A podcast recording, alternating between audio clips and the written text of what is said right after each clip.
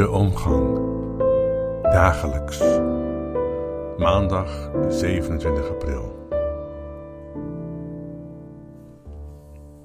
Noem mij geen Naomi, noem mij Mara. Dat betekent bitterheid, want ik heb veel verdriet. Mijn lieve man, mijn beide zonen, allemaal overleden in dat verre, vreemde land Moab. Is uit een wonderlijk boekje, een van de wonderlijke boekjes uit de Bijbel, genoemd naar de hoofdpersoon Rut.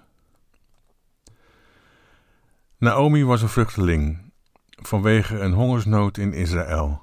Ze heeft met haar lieve man Elimelech en haar twee zonen een tijdje in een ver en vreemd land gewoond. Daar waren ze dus allochtoon. Nu is ze weer terug in haar eigen land en bij haar eigen mensen. En tegen hen zegt ze: Noem mij maar Mara. Want de naam Naomi betekent mijn lieflijke of mijn genoeglijke. En zo voelde ze zich blijkbaar niet. Kun je je wel voorstellen? Haar man verloren en haar beide zonen. De zonen van Naomi hadden in dat vreemde land vrouwen gevonden en waren met die vrouwen getrouwd. Een van de twee, Rut, was met haar meegereisd. De naam Rut betekent vriendschap of vriend, vriendin. Naomi was weduwe geworden in Moab. En Rut, haar schoondochter, was met haar meegereisd uit dat vreemde land terug naar Bethlehem. Waarom zou Rut dat gedaan hebben? Ze zegt iets heel bijzonders. Uw God is mijn God, zegt ze. En dan zegt ze niet: ik ga met u mee op zoek naar geluk, maar waar u sterft, daar zal ik sterven.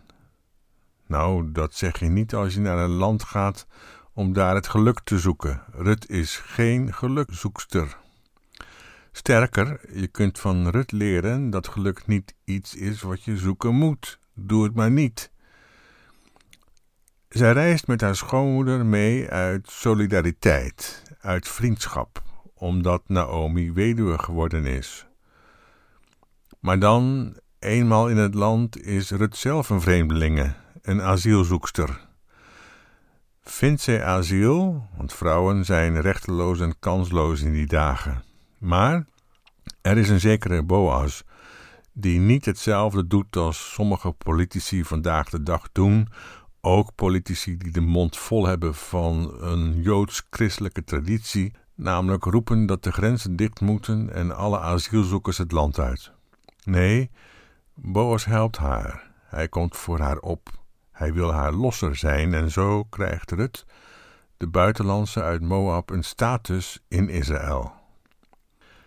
En daarom is het verhaal van Rut een verhaal over geluk. Maar niet geluk dat je zomaar kunt vinden, maar geluk dat je als bijproduct cadeau krijgt cadeau krijgt als je niet zoekt naar geluk, maar opkomt voor wie eenzaam is, of verdriet heeft, of een vreemdeling is, of een vluchteling die geen status heeft.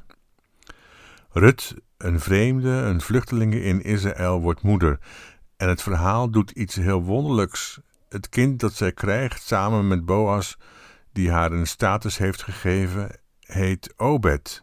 En Obed is de voorvader van David. David de koning. En zo zit er in de familie van David, de koning van Israël, een moeder uit het buitenland. Allochtonen in je familie, het zal je maar gebeuren. Maar ja, dat is Willem-Alexander ook overkomen. Zijn vader was een buitenlander. En Amalia, onze toekomstige koningin, is ook allochtoon, met een Argentijnse moeder. Als je vader of je moeder een buitenlandse is, ben je volgens de gehanteerde definitie allochtoon. Ons hele koningshuis bestaat uit allochtonen. Rut is dus niet naar Israël gegaan als gelukzoeker, maar ze heeft het geluk gevonden doordat ze Naomi niet in de steek liet. En Boas heeft het geluk gevonden door het op te nemen voor een buitenlandse. En u en ik kunnen geluk vinden niet door ernaar te zoeken, maar door een vriend of vriendin te willen zijn van iemand en voor iemand die het moeilijk heeft. een kameraad te worden voor een ander die dat nodig heeft, die jou nodig heeft. Geluk is iets anders dan alle hebben dingetjes die er zo al zijn. Je krijgt het gratis wanneer je het zelf weggeeft.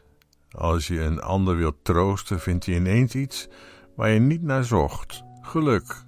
Het wordt je dan cadeau gedaan. Je kunt niet gelukkiger worden dan door het op te nemen voor iemand die jouw hulp nodig heeft. We wensen Alexander een fijne verjaardag. Tot morgen.